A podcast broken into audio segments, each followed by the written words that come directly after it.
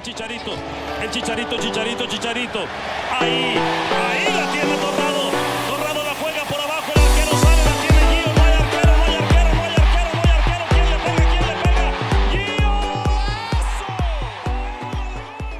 Fotbaloví fanoušci, fotbalové faninky, vítejte u 26. dílu našeho fotbalového podcastu Kopačák. Jelikož slyšíte mé jméno, tak tu chybí náš hlavní uvaděč Hanis, který se věnuje pilně své bakalářské práci, ale sám tu dneska nebudu. Je tu se mnou Marky. Ahoj Marky. Čau ahoj, zdravím ťa rovnako všetkých poslucháčov. V předchozích 25 dílech uh, jsme si vlastně ani jednou nemě, nevyprávěli o Manchester United, tedy mým mému oblíbenému týmu jsme nevěnovali ani jedno téma, a Marky je vlastně člověk, který mi pomůže tady tuhle mezeru vyplnit a nemyslím si, že je tady někdo, kdo by byl méně povolaný než Marky, což když tě tak nějak zkusím rychle představit, když jak mě pak klidně doplň, tak jsi sportovní novinář, zakladatel československého fanklubu Manchester United, šéf-redaktor stránky United Way SK, která vlastně dříve byla Devil Page, asi takový nejznámější eh, československý web eh, o Manchester United, a možná bych tě pasoval do role nejznámějšího fanouška United v Česku a na Slovensku. Mm, to si nemyslím, poznám veľa väčších fanatikov alebo takto fanouškov, keď to poviem, keď ťažko sa to porovnávať, no. Vieš, ako to je, my sme sa tu snažili hlavne urobiť komunitu a fanklub, organizovať zrazy, aby sa fanúšikovia aj stretávali, aj sledovačky cez všetky veľké mesta, aby sa ľudia aj troška networkovali, takže robili sme či zrazy na Slovensku aj v Čechách, alebo potom aj sledovačky spoločné v Prahe, v Brne, v Bratislave, v Nitre, v Košiciach, takže hej, hej, sú to krásne spomenky za tých už pomaly, fú, aj možno 15 rokov. Ty vlastně fandíš Manchester United, my spolu nekecáme poprvé a ty jo. fandíš United už přes dvě dekády. Áno, ja som niekedy ročník 98-99 začal sledovať, akože taký pr- prvý, keď som registroval, lebo vlastne v 98 som dostal prvý dres, ešte v tom čase Beckhama a tady to bolo že tak, že rok na to už bolo v finále Ligy majstrov, ktoré si sa mohol pozrieť v televízii a samozrejme potom to bolo skôr iba o nejakých zostrihoch a hlavne bývali v tej dobe na jednotke vlastne, v tejto dobe na rtvs ale tak vlastne v tých minulých časoch Euroligy a to každý pondelok boli zostredy zo všetkých európskych líg. A vlastne to hovorím o roku 99, 2000, 2001, 2 a to bolo super, lebo proste pozrel si si na jednotke, zostrihy tam išla anglická liga, talianská, španielská, francúzska, nemecká, samozrejme potom bývalo tango, čo bola slovenská liga, takže bola to paráda, no a potom sa ale samozrejme ten futbal začal komercionalizovať ešte viac, a už sa to začalo dávať medzi providerov a vlastne potom až Galaxy Sport začala dávať od nejako 2005 a takto už to začalo byť pravidelne Premier League, odkedy sme sledovali. No a my sme vlastne za, ja som ešte pre, kedy 2007 sa začal venovať blogovaniu United a od 2010 sme si založili vlastne aj vlastne s mojimi bývalými už českými parťakmi, ale skvelými kamarátmi ako Geta, Maženka a Dibla vlastne Devil Page, ktorý mal, dá sa povedať, minulý rok 10 rokov, ale rozhodli sme sa vlastne pokračovať pod takou spoločnou United Way, aby sme vlastne posunuli tú dekádu niečo ďalej aj s tým, že sme začali tiež robiť podcasty a vlastne sa preorientali skôr na to komunitno, keďže už v dnešnej dobe je tých informácií veľa a fanúšikovia si ich vedia sprostredkovať aj na iných kanáloch, samozrejme na sociálnych sieťach. Vieš sám, ako to je, tiež robíte super projekt. Takže sa zameráme posledné roky hlavne na tú komunitu, spoločné výjazdy, ktoré samozrejme pandémia nejak pozastavila, ale posledný od minulého leta už to znova je a to je to najkrajšie, proste stretávať sa s tými ľuďmi, ísť na futbal, stretnúť sa na zimných a letných zrazoch a len bohužiaľ to dianie nám teraz nerobí veľa radosti. No, to moc nerobí. Uh, jak bys vlastně ohodnotil tuhle sezónu? Já jsem nad tím trošku přemýšlel, když jsem ti dával, když jsem ti chtěla tuhle otázku. A já vlastně za tu dobu, co fandím United, to bylo od nějakého roku 24, 23, nějak tak. A bylo to provázené uh, dárkem v podobě drese Rida Fana Nistleroje. Mm, pěkně, pěkně. Takovou pro zajímavost. Tak uh, já jsem si říkal, že možná pro mě je tohle asi vůbec nejhorší sezóna, kterou jsem jako fanoušek United zažil. Uh, máš to třeba podobně? Nebo jak bys to ty tak ohodnotil? Hmm. Tak ako za tie posledné roky to je veľké sklamanie podľa mňa. Mm, ako pre mňa táto sezóna ani nie, lebo ja keď poviem pravdu, ja som tak trocha rezignoval, keď skončil Mourinho, pretože Vtedy sme to zjazdili do Manchesteru, boli sme tam možno aj 5-6 krát za sezónu a stále sme debatovali s domácimi Menkunianmi o tejto situácii aj s ľuďmi, ktorí pre štadión poviem príklad predávajú šály, aj samozrejme niektorí naši partiaci a partneri tam, zakecali sme sa aj s chalanmi z magazínov Red Issue alebo Full Time Devils ešte v tom čase, keď boli, než sa premenovali na Stratford Paddock, samozrejme Adam Meko a takto, takže pýtali sme sa na názory chalanov, možno aj však sme sa, robili sme nejaké rozhovory, dávali sme to aj na náš web a tam, tam som tak v tom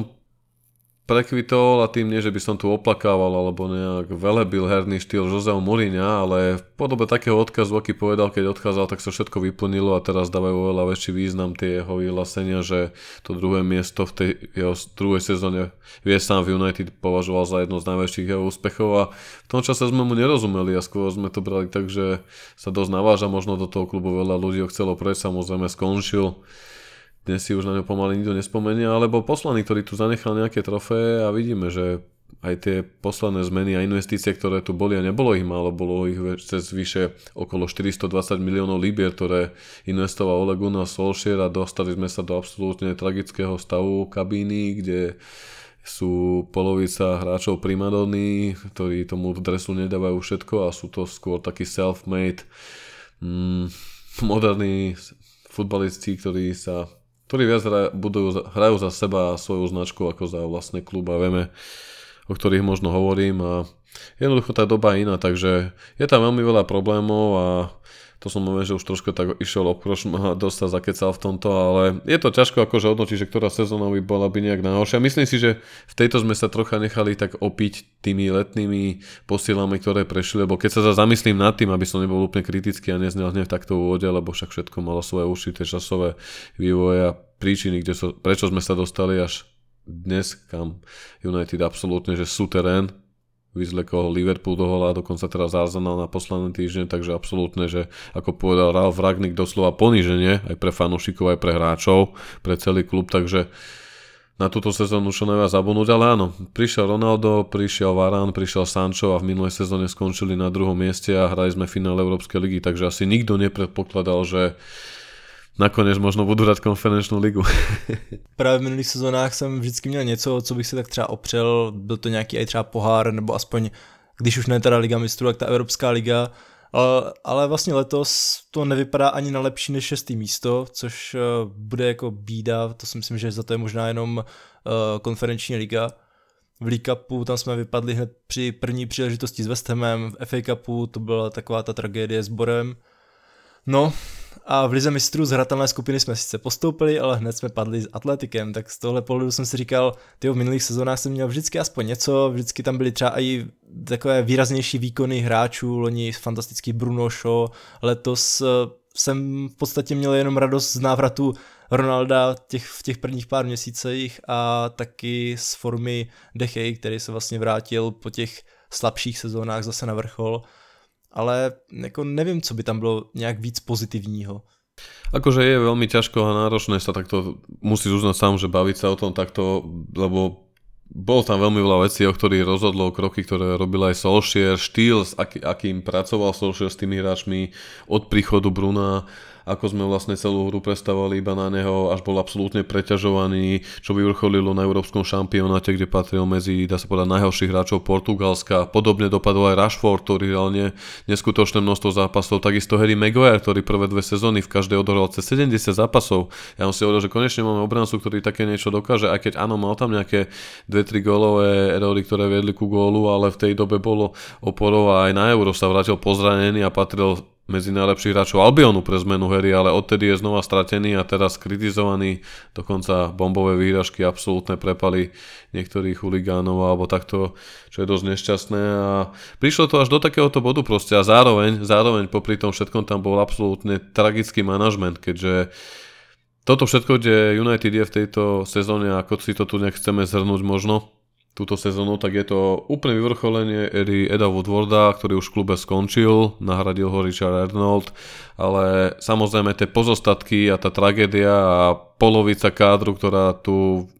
bude preplatená a nehrá dobrými výkonmi, alebo im končia zmluvy a nie je tých hráčov málo. Zadarmo po tejto sezóne odíde Mata, odíde Lingard, odíde Pogba.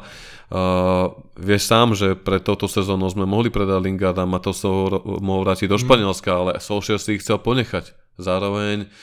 Mm, zároveň tam mal Donio van de Beka, ktorému nedával neustále šancu, nikdy mu nedal tú šancu Ole a zároveň preťažoval Bruno, aj keď hral zle, aj keď sa mu nedarilo. Rashforda takisto, takže preto je veľmi ťažké to nejak komentovať, bolo tam veľmi veľa zlých rozhodnutí a zároveň upadala tá, tá kabína pod Solskjaerom, až prišlo vyvrcholenie, že ho vyhodili, ale toto ma neprekvapuje, ako som povedal, že to som už nad tým, nechcem sa teraz vrácať k tomu bodu, k tomu Mourinhovi, ale prečo som to povedal je, že v tej dobe aj na štadióne, aj takto proste Manchester panovala taká ona, že už keď to nevyriešil on, že môže byť jedno, aký príde tréner, stále to bude zlé, pretože tam sa musí zmeniť hlavne tá štruktúra v tom vedení. Tam musí byť nejaká futbalová vízia, pretože tamto po odchode Davida Gila, dá sa povedať predložené ruky súra Alexa Fergusona, po ich odchode 2013 prevzal Ed Woodward, inak povedané bankery. Bankery a tak to aj vyzeralo v tom klube. Stretnutia s tými hráčmi vyzerali ako z filmov. Prišlo 15-20 ľudí s černom onom pomaly, jak a išlo sa v jedno, jednoducho nebolo tam žiadna vízia charakter toho klubu tvár ako predtým, keď Rašmit volal sám Ferguson, jeden, dva telefonáty a tí hráči tam chceli ísť a jednoducho bola tam vízia, bol, bol, bol tam tým, bol tam manšaft, boli tam osobnosti v kabíne, bola tam hierarchia, bola tam absolútne nasadené obetavosť a kto to nerobil, tak kabína ho za to vystrnádila, proste dohádzala kopačkami jednoducho však. A tam, to tam v tejto dobe nie je, pretože po odchode keď sa nad tým aj znova zamyslím, že posledné trofeje, ktoré boli, boli začias, keď tam bol ešte Ibrahimovič, to je v prvej sezóne, ktorého si privedol Mourinho a vlastne bola to posledná sezóna pre Vejna Rooneyho a potom následne končil aj Kerry, ktorý bol ešte takým asistent hrajúcim hráčom a potom stal sa asistentom. Michal Kerry, ale títo hráči, keď skončili, tak tá generácia, ktorá ich mala potom 2018 po majstrovstvách sveta v Rusku prevziať na čele s Pogbom ako obrovskou investíciou, vieš sám ako skončila. Skončilo to Instagramovým klubom týchto niektorých chlapcov, aj keď boli tam niektorí uh, lídry kabíny ako Mata, Matič alebo aj Dechea, že, že dlhé roky, ale to nie sú také osobnosti, ktoré by to tam vlastne dali do toho zápalu. Jednoducho boli tam skupinky a to sa absolútne ukázalo za hlavne posledné dva roky keď to teraz tak hodnotí aj Ralf Ragnik, že aj Solskjaer bol pre nich až natoľko veľmi blízky, že možno natoľko bol Ole na nich milý, že ho to vlastne zožralo a tomu podpililo Konor jednoducho. Preto nie nadarmo si s ňou robili strandu, že vlastne Ole bol také hodnej strejda pre hráčov. Vlastne nekritizovali ich, stále sa snažili, stále sa chceli vrátiť silnejší a jednoducho dokola tej isté tie isté vyhlásenia, jednoducho stále hrala tá istá zostava, ktorá aj keď bola prepálená na čele s Brunom Rašim a jednoducho bolo to vyvrcholenie tej éry Eda Woodwarda a takisto veľa hráčov, ktorých sa nedokázali zbaviť a ktorí tam sú zbytočne platení, ako Phil Jones alebo Eric Bailly a takýto ďalší jednoducho vie sám. Takže asi tak no. Hmm. My vlastně, jak jsme spolu natáčeli nějaké předchozí podcasty, to bylo pro, s klukama z fotbal netradičně, taky vlastně pro vás, tak eh, my jsme na hodně věcí měli docela podobný názor a v podstatě ty jsi tady sebral všechny skoro moje poznámky ohledně toho hodnocení sezóny. Jenom jsem tu ještě měl Greenwooda, což pro mě bylo mm, taky takový, uh, jak to říct, no, jako takový to vyvrcholení fakt toho zmaru, že tahle sezóna je ta špatná, ta taková končící, ale jako zase věřím, že po téhle sezóně to bude lepší, furt chci věřit. Vlastně věřil jsem i před touhle sezónou, že se to nějak všechno změní, věřil jsem po oznámení Ralfa, hmm. ale to jsou vždycky jenom takové snahy najít eh, nějakou lepší budoucnost a zase se těšit na ten fotbal. No ale jako jasný, ta ty chyby tam byly úplně strašný, vedení, to tom asi bys mohl tady vyprávět hodiny. Eh, když to tak ještě zpětně zhodnotíš v této sezóně uh, příchod právě Ralfa, který se po sezóně přesune, dal by se říct, z lavičky do kanceláře, tak uh, jak vlastně těch, já nevím kolik, 4-5 měsíců, co je v United hodnotíš? Hm, zamýšľal som sa nad tým dosť práve posledné tieto kritické 2-3 týždne tu boli tieto rôzne zápasy na Anfielde, na Emirates. Vlastne Norwich bol one-man show Cristiano Ronaldo, inak to bol zlý zápas, kde Decha veľakrát zachránil pred Kanárikmi, takže to mohlo byť fiasko, rovnako podobne ako na Goodison Parku proti Evertonu. No a ja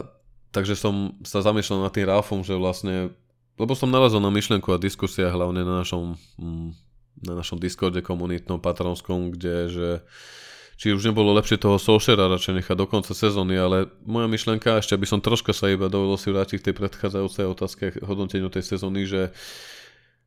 ja som prestal o, tomu dôverovať v prípade aj Oleho, keď vlastne prehrali to Gdánsko a vedenie mu zrazu dalo nový trojročný kontrakt čo bolo pre mňa absolútne uponáhlané, pre, pretože to isté urobili, moje slovy dali 5-ročný kontrakt, vyhodili ho do roka. Dali Fanchalovi trojročný a vlastne po druhej sezóne spoza jeho chrbta rokovali o Mourinhovi, čo som považoval za veľmi netaktný ťah zo strany Eda Woodwarda, bolo to absolútne akože hnusné jednanie, chápeš, že spoza jeho chrbta. Ťahali ho za nos od jary až do kvietna, do maja, kedy bolo finále FA Cupu proti Crystal Palace, na ktorom sme aj boli vo Wembley No a až potom po zápase mu oznámili vlastne, že končí United a že stane sa nový tréner United, na čo odtedy Fanchal mal tie pikantné vyhlásenia, že Manchester je komerčný klub, že to nie je taký futbalový klub ako Bayern Mnichov, vie sám, že také vyhlásenia. No a, jo, jo, jo. no a vlastne, a čo sa stalo? Prišiel Mourinho v prvej sezóne ako prvý historický tréner získal nejaké trofeje, následne v druhej skončil na tom druhom mieste, čo sme sa tu dnes zbavili, čo označil pomaly za svoje na, jedno z najlepších umiestnení a v tom bol veľký odkaz, rovnako ako jeho slova, keď, odchá, keď odchádzal, tak vyhlásil, že ja odchádzam, problémy zostávajú, čas ukáže. No a prešli 2, 2,5, 3 roky s Olem, bolo preinvestovaných ďalších 400 miliónov, ako sme si dnes povedali. A znova spravili to isté, že ako Mourinho dali nový kontrakt a v sezóne následne ho vyhodili, tak teraz dali Olemu nový kontrakt po prehratom finále, a ešte mal stále celý, celú túto sezónu platnú, platnú zmluvu, takže reálne teraz v tomto období sa mohlo rokovať už novo, o novom kontrakte na základe tejto sezóny. Chápeš ma? Takto zbytočne mu znova platili odstupné nejakých 7 alebo 8 miliónov libier. No a áno, už prišiel Ralf, už to nezmeníme, iba som chcel na to nadpojiť, že znova to vedenie, preto, preto som povedal, že nie od toho Murína nadväznosti k tomu Žozemu, že by som nejak mal väzby, ale k tým krokom toho vedenia, že je to to isté, ako to bolo, ako to bolo s Murínom, ako to bolo predtým jednoducho vedenie, ktoré nevie. Ale teraz, keď prišiel Ralf a teraz, keď Woodward skončil, že toto bolo vyvrcholenie tej jeho katastrofálnej 9-ročnej réžie od odchodu Fergusona,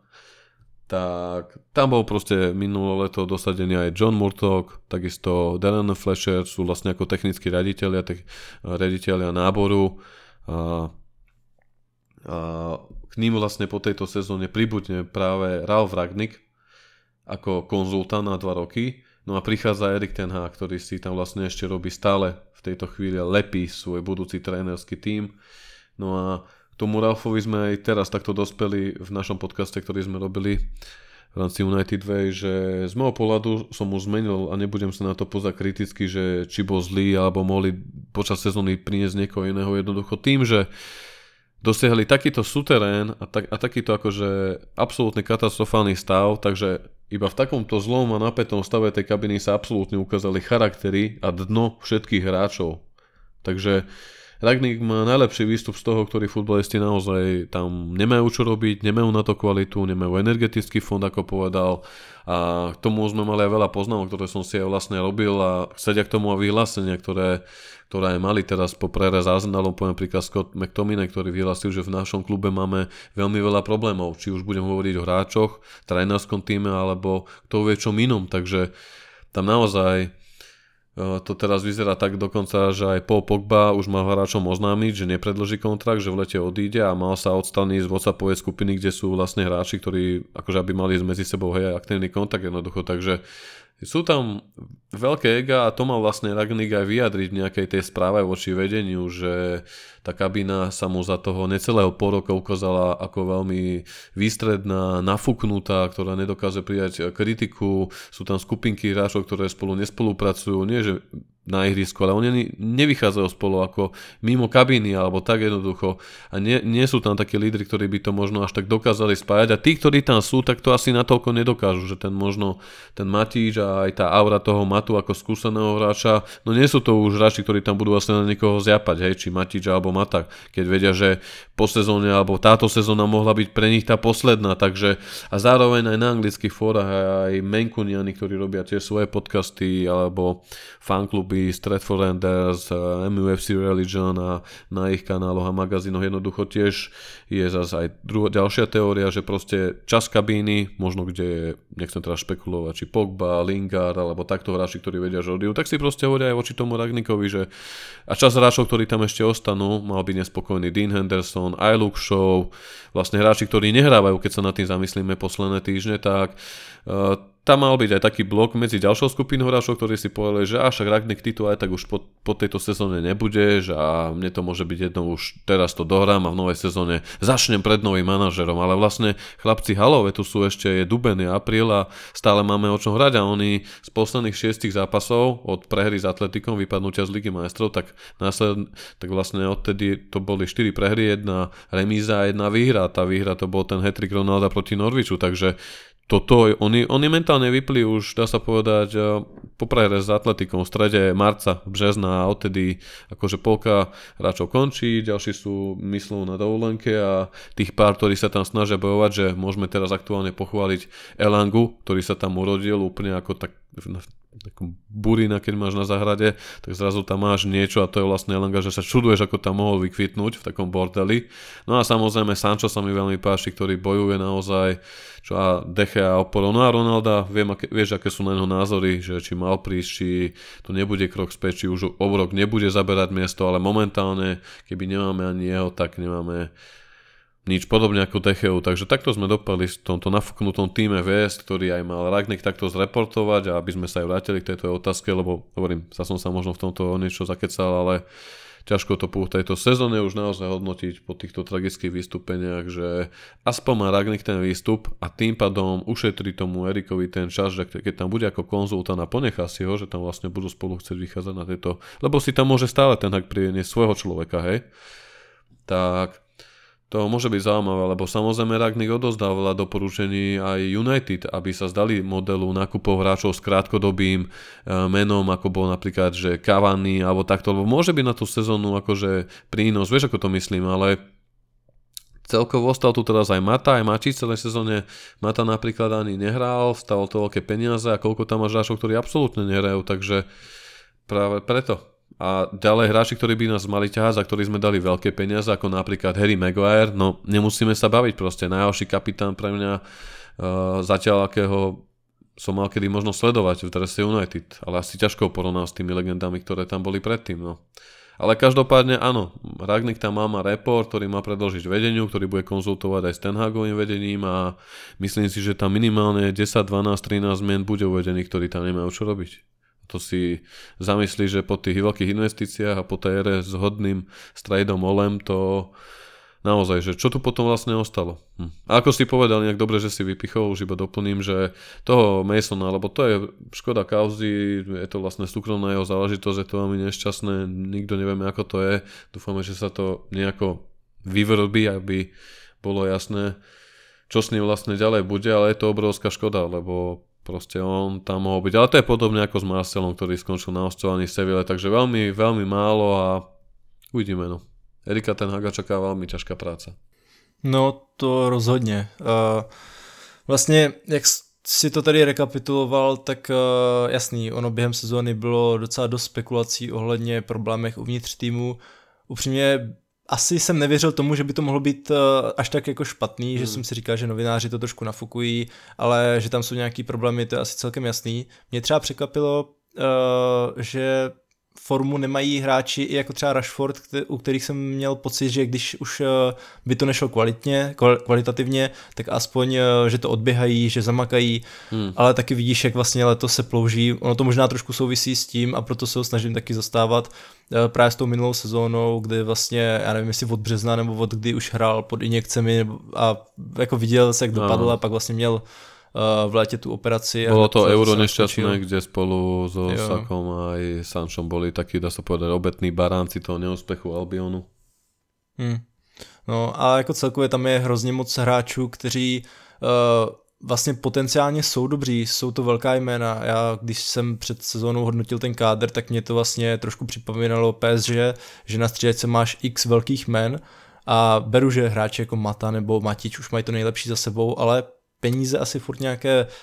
berou, není tam moc prostor pro ty nováčky,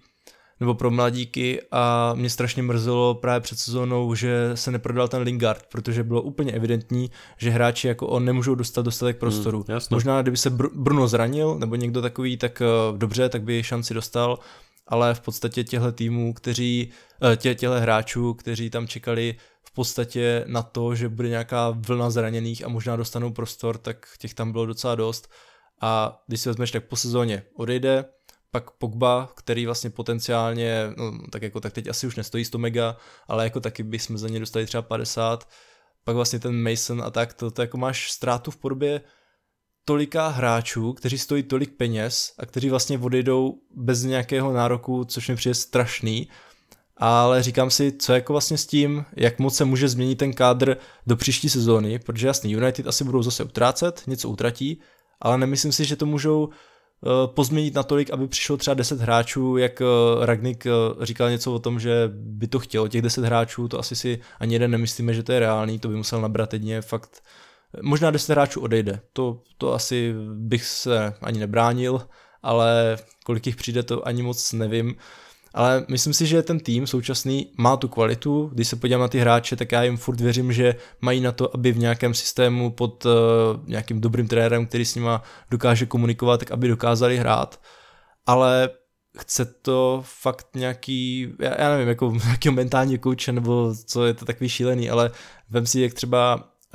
se lidi vyjadřovali k Hendersonovi, myslím uh, Jordanovi, předtím, než přišel Klopp, to vůbec nebyl ten týmový lídr, který by v něm viděli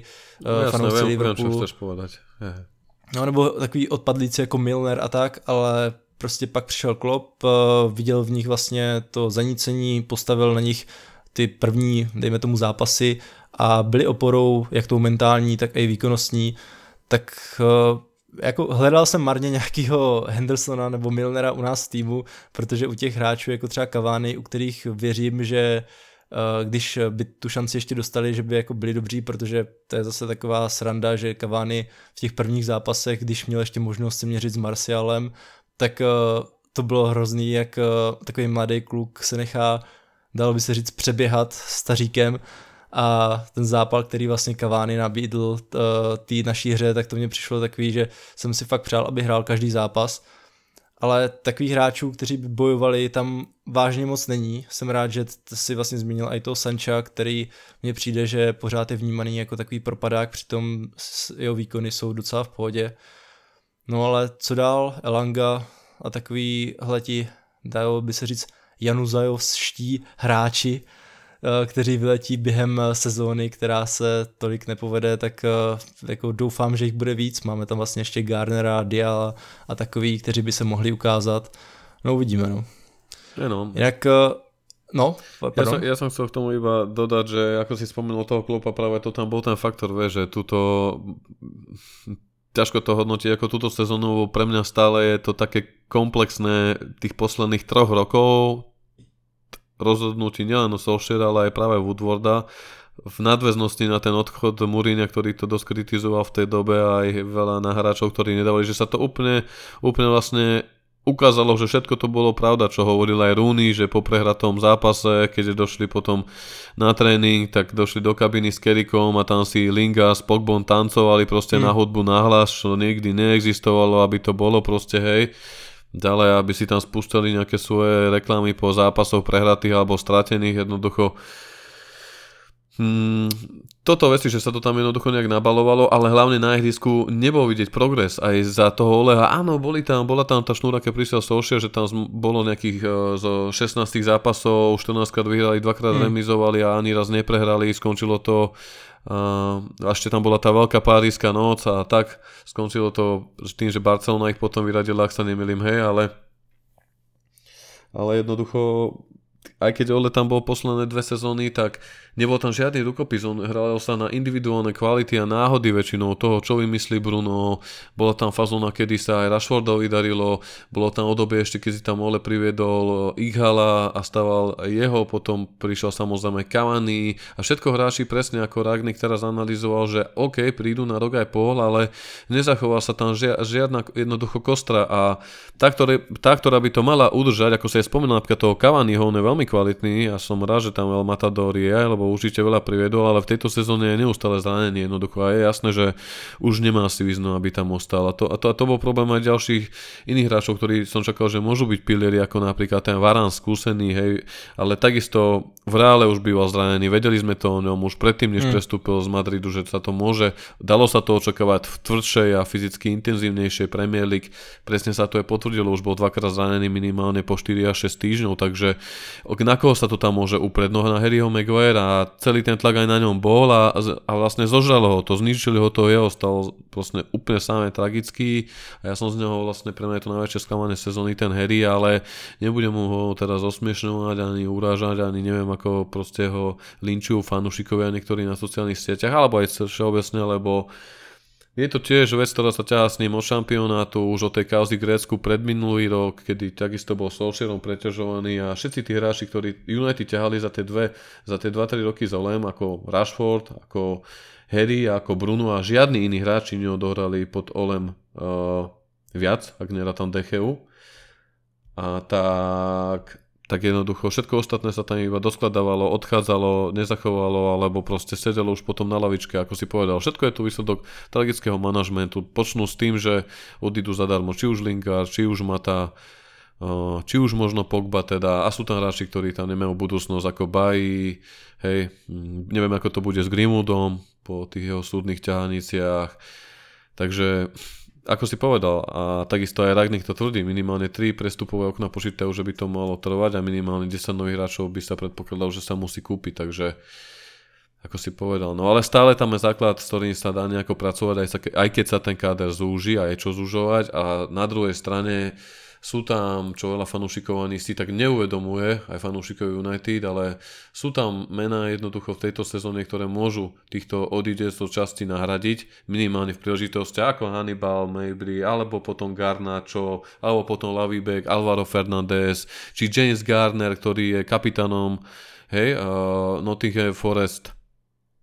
A to sú všetko mladí hráči do 22 rokov, ktorí môžu dostať príležitosť Samozrejme na hostovaní aj dialog, ktorého sme spomínali, alebo Facundo Pelistri, ale skôr v nich, týchto vnímam, že jednoducho keď sa tam správne posilne hráči, tak jednoducho tam musí byť projekt, musí tam byť konzistencia, už sa klub nemôže pozerať dozadu, takisto aj fanúšikovia sa nemôžu opúšťať neustále nad týmto, jednoducho uh, ja chcem veriť tomu, aby som aj túto diskusiu našu posunul už, od tej kritiky k nejakej konštruktívnejšej a možno pozitívnejšej ceste a to je vlastne tá, že toto bol vyvrcholenie 9 rokov Eda Woodwarda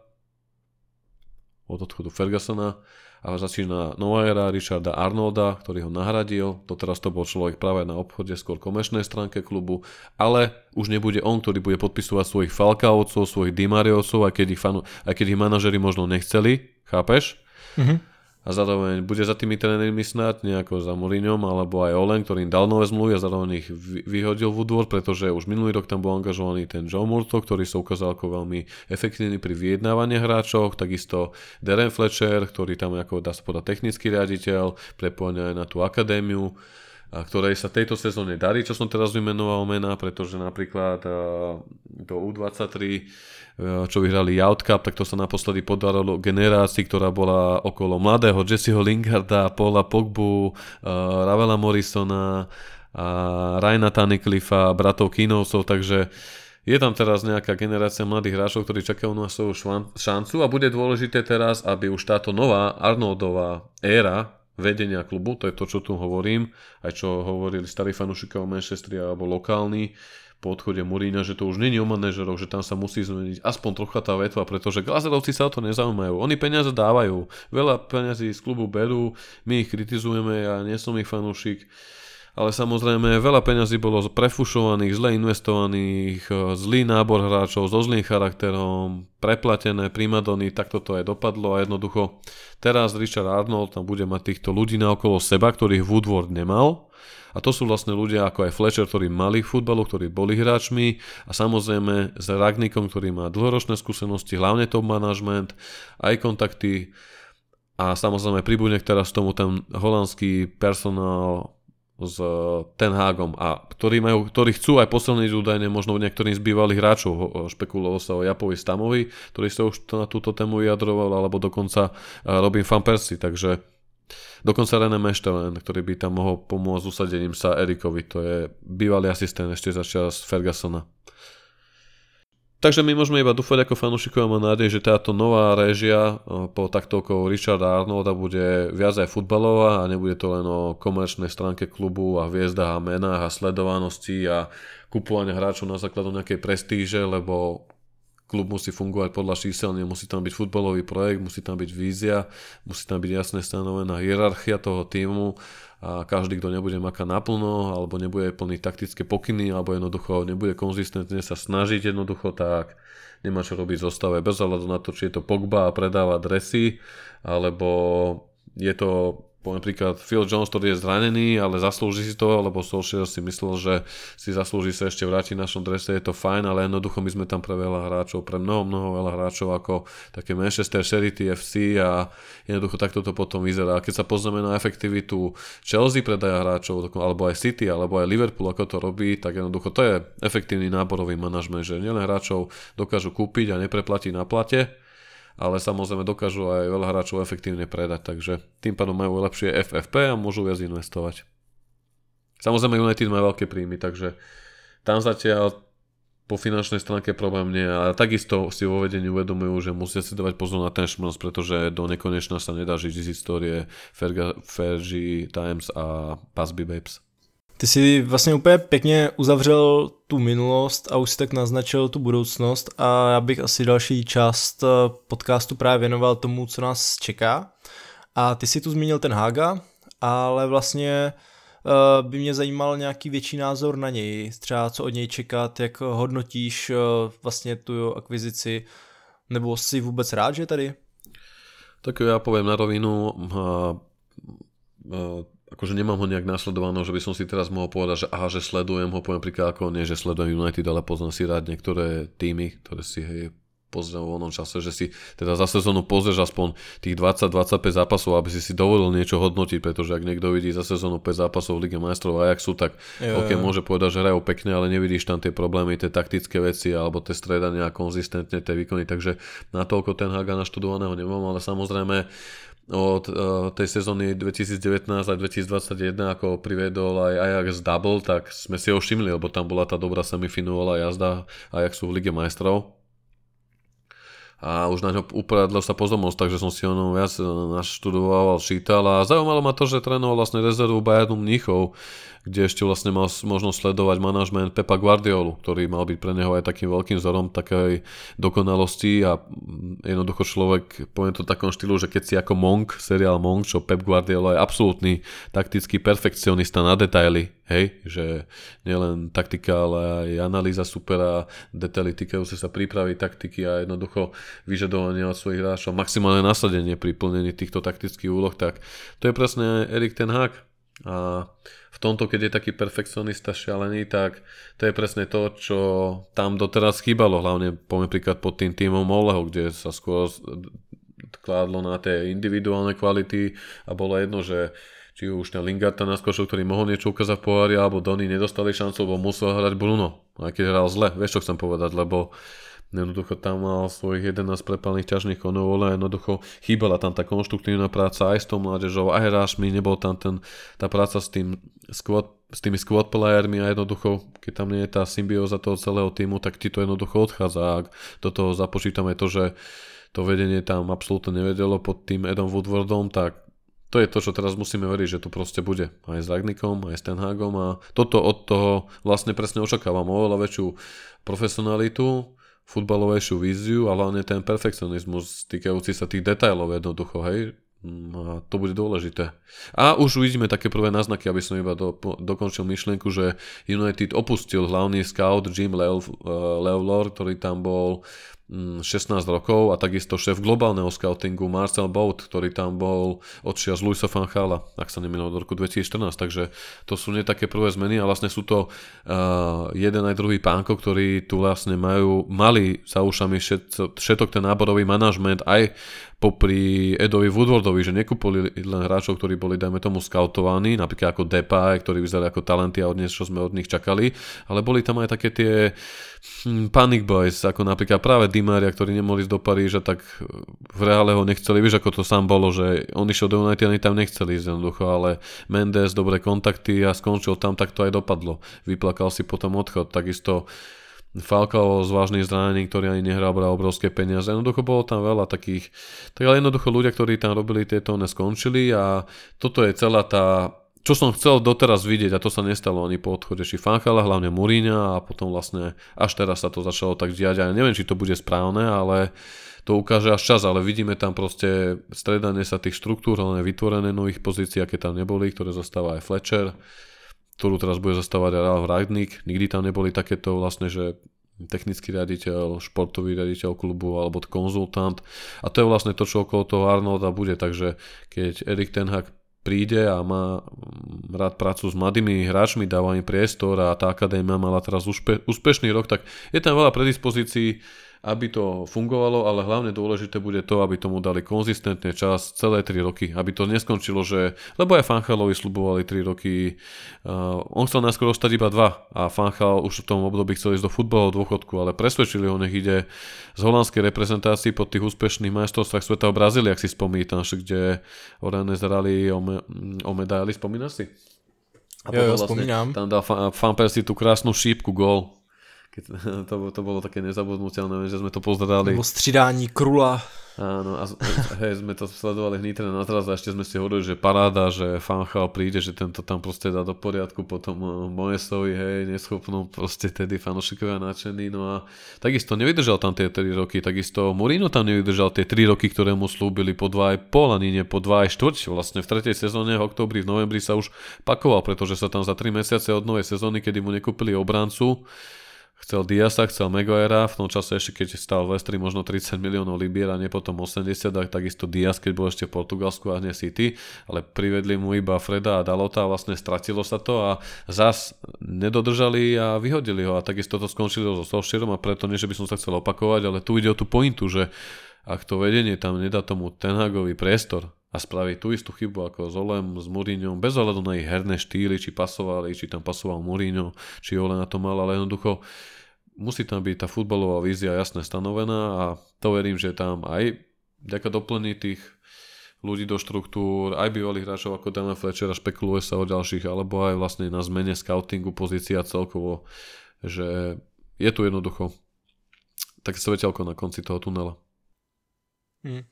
Já to vidím vlastně pro mě. Ten Haga taky nemám nějak eh, extra nasledovanýho, ale z té jakoby generace trenérů, která by mohla v dalších x letech dominovat fotbalovým světu, mě přijde jako jeden z těch nejzajímavějších. Já teda vždycky jsem to bral tak, nebo vždycky poslední dva, tři roky, že pro United by byli skvělí tři trenéři. Klopp, Guardiola a Nagelsmann. Tak první dva byli nereální, Nagelsmann eh, ten vlastně pak vzal Bayern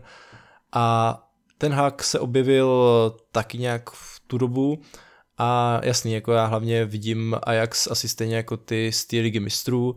ale jdou na něj pozitivní reference, to, co vlastně budoval v Ajaxu, tak eh, dávalo smysl, ti hráči tam pravidelně vyrůstají uh, na nějaký úrovni, tak mě to třeba přijde zajímavější, když přijde takovýhle trenér, než uh, ti, o kterých se spekulovalo, jako kdysi Zidane nebo třeba Pochettino, Určitě, který vlastně v že má podobnou vlastně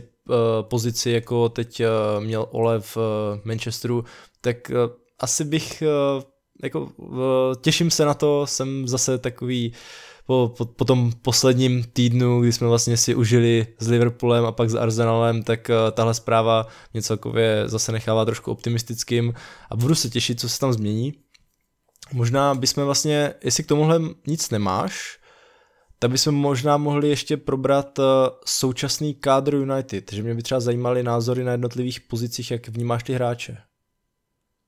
A jak by případně tomu ten Hagovi tam mohli uh, sedět? Tak hovorí sa o tom, že preferuje štýl 4-3-3, alebo aj tak vlastne hrával. Ja som si teraz záveru sezóny pozrel vlastne finále toho pohára, ktoré prehrali. Mm, pozrel som si, aké dali s Feyenoordom, čo to a Našiel, si, našiel som aj dobré materiály na YouTube v rámci ten a boli tam dobré analýzy jeho coachingu, veľa dobrých videokatov, aj taký by som povedal ako na trénerský štýl, takže aj fanošikovia si to vedia na YouTube nájsť. Ale k tomu bude záležať, aké budú tu čistky. Akože ťažko o tom špekulovať a jedine, ťažko hovoriť od pozície hasí hráčov, na ktorých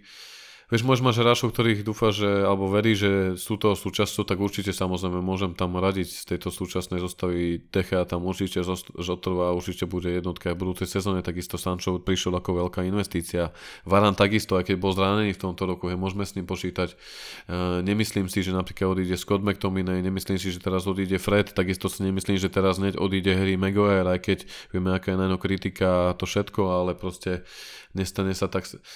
A Naopak, tí, ktorí sú isto asi pravdepodobne teda Lingard, Mata Matič, Matič to už aj sám potvrdil, Pogba sa stále nedohodol na zmluve. Bude otázne a záležať, ako dopadnú rozhovory. Pridel som aj informácie, podľa ktorých chce Erik Ten Hag uskutočniť e, s každým hráčom osobný rozhovor, a ak nie osobný, tak teda online, ale vlastne jeden mm, versus jeden, hej, hej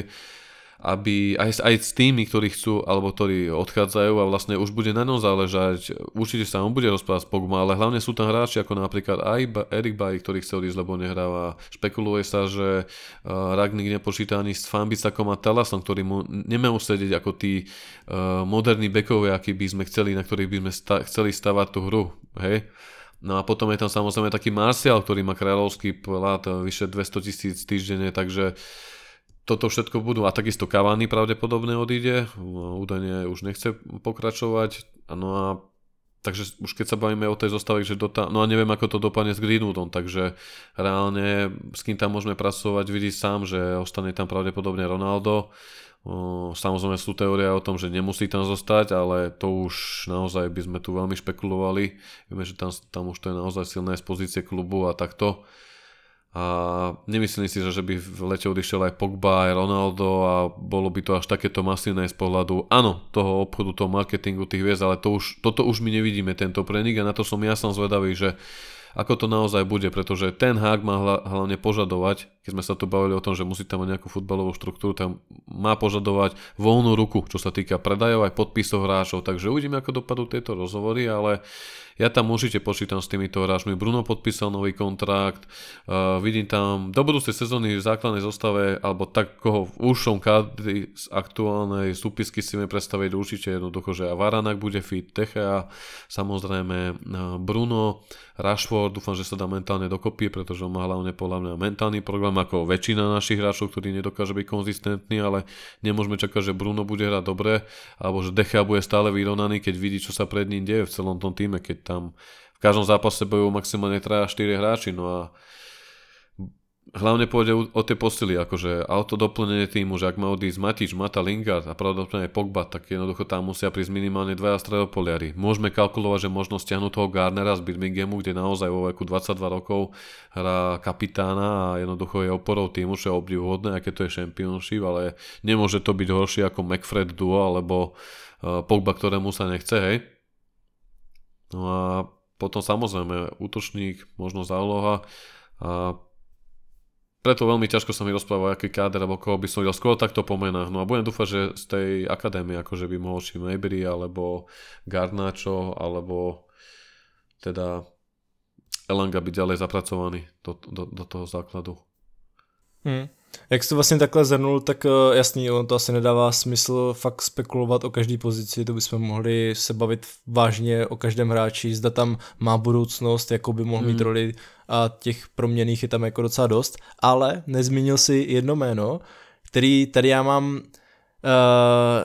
takovou poznámku, že ze současného týmu paradoxně pro mě nejistější pozici na místě jednoho z těch dvou záložníků by mohl být Dony. Aha. Protože přece jenom Donny je hráč, který vlastně pod Den Hagem měl nejlepší formu, dalo by se říct, eh, o kterého se zajímal Real Madrid, byl součástí toho úspěšného týmu a já si myslím, že ten Hag právě bude počítat do příští sezóny s Donym, i když v Evertonu to není, ono měl i nějaký zranění, ano. tak eh, jako beru, že se teď dva roky intenzivně pracovalo na snížení jeho sebevědomí, ale právě příchod ten Hága by možná mohl ho zase nakopnout. A pro mě by možná byl velmi dobrou variantou do té středové dvojce, protože Donny za mě umí bránit, útočit, uh, umí všechno. Pro mě, jenom prostě nedostal tu pořádnou šanci. A když se mu už povedl zápas, tak uh, další, další zápas mu vyhodili Solskjaera a už tam nebyl zas. Mm, hlavne keď sa mu vydaril zápas ešte aj na začiatku, takto pred rokom, na začiatku minulého roka a podaril sa aj Matovi, tak nikdy tam nesedeli a to je vlastne to, čo je, to sme sa dneska už bavili, že sme nechápali mm. už na začiatku sezóny, keď sme mohli predať Lingarda, mohol odísť Mata do La Ligy a stále sme tu mali kúpeného za 40 miliónov Donyho, ale aj tak Ole si nechal všetkých troch a aj tak preťažoval iba Bruna v základe, ktorý nehral dobre, aj tak od Eura, takže to, to nepochopíš už proste takto zostupom času, že ako to tam mohlo takto byť a je to škoda, ale áno, Donio som nezmenil, pretože poviem pravdu, nerátal som s hráčmi, ktorý je tam na ostovanie aj Laird, ktorý hral dobre. Samozrejme nezabudeme, že Pereira sa asi vráti z Flamenga, lebo už nemá o záujem môjho kúpu, takže tam sa ešte karty zamiešajú, ale práve bude to na tých rozhovoroch s tými hráčmi, so všetkými. Aj Doni bude medzi nich patriť, ja si tiež myslím, že Doni tam má perspektívu dostať veľkú šancu od uh, Ralfa Ragnika a fakticky, ak my ešte kúpime dvoch záložníkov práve defenzívneho alebo box to box a doplníme to Donim, eh, Brunom a možno tým Gardnerom a stále tam máme Scottyho McTominaya alebo aj Freda to uvidíme ako dopadnú tie ďalšie rozhovory, tak konečne tam môže byť na výber, konečne tam môžeme niečo hrať a bude to zaujímavé, pretože teraz tie príležitosti tam nie sú a hráči, ktorí tu aj tak boli udržaní, nehrávali, či Lingard, či Mata. Pogba viac 3 šutie sezóny zranený, Matič svojek a fakticky nemáš tam koho, že to máš, keď sa na tým zamyslíš, koľko hráčov si hneď odpísal a pritom pred sezónou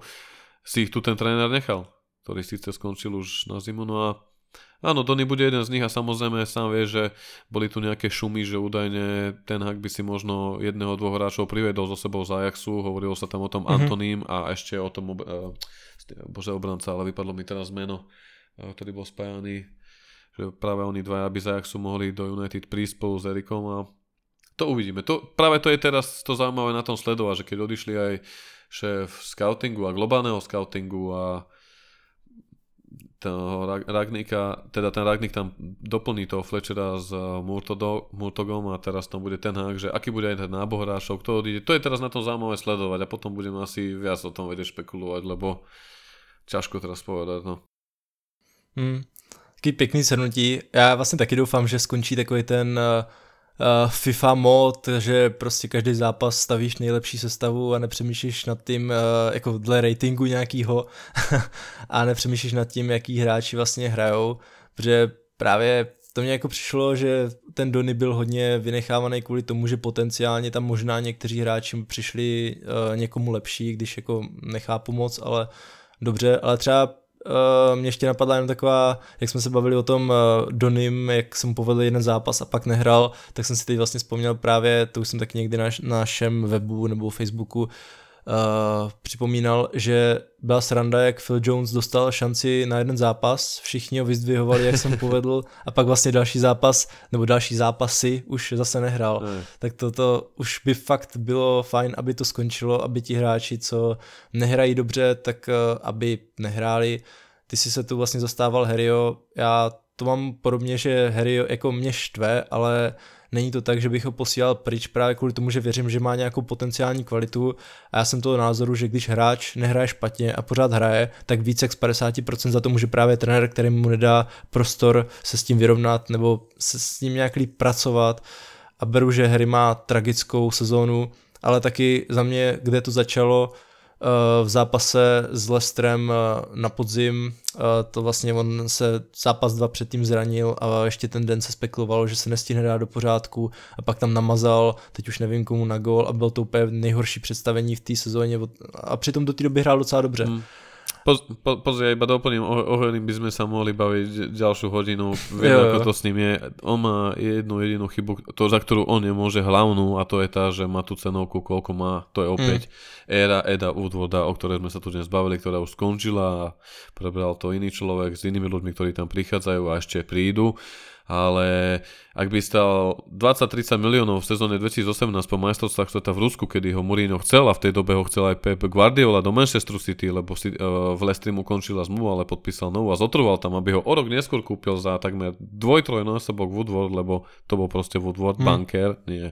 nie futbalový direktor, ani nemal poradcu po svojom boku Ragnika, ani v tej dobe nikoho takže to sa baviť nemusíme. Ale to je proste Harryho najväčšia chyba. A druhá vec je, že dostal aj tú kapitánsku pásku, vyčíta sa aj Ragnikovi, že prečo mu nezobral, no nevidíme už do tej kabiny, možno, že keby mu zobral, možno, že Harry bol posledný z tej, ak si predstavíme tú kabinu, jak má byť teda poskupinkovaná, celá prehnitá, tak možno on bol práve jeden z hráčov tej fungujúcej skupiny, ktorý aj chce v tých zápasoch, že chce, aj keď to nejde a je tam pomaly ako najväčší šašek, lebo keď ti nejde, tak ti nejde a je tu už áno tej práci toho trénera, ktorým bol už ole nie, že túto sezónu ešte po tej kauze v Grécku a pchali ho tam a sme ho dostali od Tottenhamu 6-1 od Mourinho, ak si spomínaš to. Tam sa to už začalo ťahať, lebo on v každej sezóne odoral 70 zápasov a si zober, kedy sme mali stopera, ktorý odoral toľko zápasov. No už Ria a Vidiča nikdy, pretože ani Smalling, ani Jones, ani Rocho, ani Baji ani žiadni títo, ktorých tam mali náhrady, to nedokázali. Johnny Evans odišiel a jednoducho za to som si ja Harryho prvý rok aj po dva roky, že vážil, ale je úplne nad všetko jasné po tejto sezóne, že on v jeho 29 rokoch nikdy nebude môcť byť asi porovnávaný v kategórii Fan Dijk, ako to bolo, keď prišiel, lebo hmm. tedy, toto bol ten tlak, ktorý sa s ním viezol, ale stále môže byť platným hráčom, stále môže byť fakticky prínosom. Bude zaujímavé sledovať, ako sa to s ním ďalej bude vyvíjať ja akože, ja ho mám maximálne plné zuby po tejto sezóne, lebo niekedy je to naozaj že katastrofálne a aj on niekedy mohol byť krotkejší aj po tých gestách, keď tam skoroval tuším proti Albánsku a už tam ukazoval uši, že či je na ňo krík a kritika a samozrejme potom bom v ďalších 5 zápasoch za, dostali United za dva góly, takže to nemusí robiť, alebo tak to už nechcem nejak ísť do detajlov, ale jednoducho bolo to zlé a sám si to pritavil, dostame za tým aj tréner, ale nerad by som odpisoval s tým, že nemyslím si, že on bude hráč, ktorý odíde, lebo áno, tí anglickí hráči sú troška protektovaní aj v médiách a preto aj toľko stoja, preto stal toľko Grealish, preto bude stať toľko veľa. Declan Rice, vieme ako to je, jednoducho je to prestíž. Značka tej ligy, ktorá je najdrahšia, najsledovanejšia, sú tam najlepší hráči, najlepší tréneri, najväčšie peniaze a medzi týchto hráčov patrí aj Harry, len s touto sa nedokáže stotožniť, ale je satisfakcia, že aj keď prišiel Varán a do tej obrany sa naozaj investovalo veľa za tých posledných 5-6 rokov, veď prišiel aj Baji, prišiel Lindelov a jednoducho aj tak to nefungovalo, nechytil sa tam ani žiadni odchovanci ako Timothy Fosu, Mensah a, teda. A pravdepodobne znova budeme potrebovať nejakého obrancu, takže ja by som bol rád, keby prišli aj dvaja obrancovia, ale hlavne rozlúčiť sa. Ja ti poviem tak, že už to není u mňa ani o tom herím, aby som ho tu či zastával alebo kritizoval moje myslenie za tie posledné 2-3 roky práve odchodu od toho Mourinha sa tak zmenilo, že u mňa skončilo to emočno a títo hráči mi musia dokázať, že si zaslúžia nosiť ten uh, slávny dres s takou bohatou históriou, s odpovednosťou, ako na sebe majú iba za odkaz a pamiatku Busby Babes. A, a jednoducho nebudem tu už on, ani o nikom. Ešte pred dvoma pred rokmi by som možno argumentoval alebo debatoval, že a Dean Henderson musí zostať, keď tu máme Decheu, alebo že Rashford, keď toto, vieš, ako sa to s ním naťahuje dva roky. Jasný. Ale po tejto sezóne som si povedal, že naozaj, samozrejme, OK, Sancho je tu iba rok, Decheovi nemôžem nič vyčítať. Brunovi dali znova uponáhlanú zmluvu, mohli aspoň počkať do leta, aby to vyzeralo konštruktívne. Nie mu, áno, ale Bruno mal iba, 100, iba v úvodzovkách 120 tisíc libier, dali mu to na dvojnásobok 240, lebo 230-250 zarába Sancho Varan, ktorí prišli minulé leto. Samozrejme Rashford má 200, Marcel, ktorý je naostovaný 200, tak chceli Bruna odmeniť. Ale takticky to mohli posunúť, pretože toto sú všetky tie veci, ktoré tvoria tú celú mozaiku a to teraz sledujeme v priamom procese. Môžeme iba špekulovať, ako to bude. Ukáže to toto leto, nová éra dá sa povedať Richarda Arnolda a ľudí okolo Ten Haga a ja sa na to teším, pretože nemá zmysel sa pozerať dozadu ani tu lamentovať, keď sú naši najväčší rivali alebo konkurenti na výslny, ako napríklad Liverpool alebo City, ako aj v tejto sezóne parádna podívaná, ale jednoducho sú to zaslúžené ovocia ich tvrdej práce, ich konštruktívnej, konzistentnej, Uh, manažmentovej práce, či už podaní Guardiolu alebo Klopa. A aj keď sú rivali, musíme uznať, že musí to byť aj pre predstaviteľ United veľkým príkladom a zároveň posledným a veľkým ponaučením, že už viac za tých 9 rokov nemohli pošliapať Fergusonov odkaz, pretože iba na základe neho komerčne z neho žili, ale treba sa starať aj o tú futbalovú víziu, o tú budúcnosť toho klubu a verme, že sa to započatí práve týmto obdobím. Mm-hmm. Hele, blížíme se ke konci. Uh, taka na závěr, ty si tu zmínil, uh, že mají přijít nějaké posily nebo že uh, bude potřeba někde posílit, což je docela logický. Tak uh, kdybych se tě třeba zeptal na tři hráče, který by si spřál v týmu United, tak uh, co bys mi odpověděl? Fúha, to si ma teraz veľmi zaskočil, akože. Mm,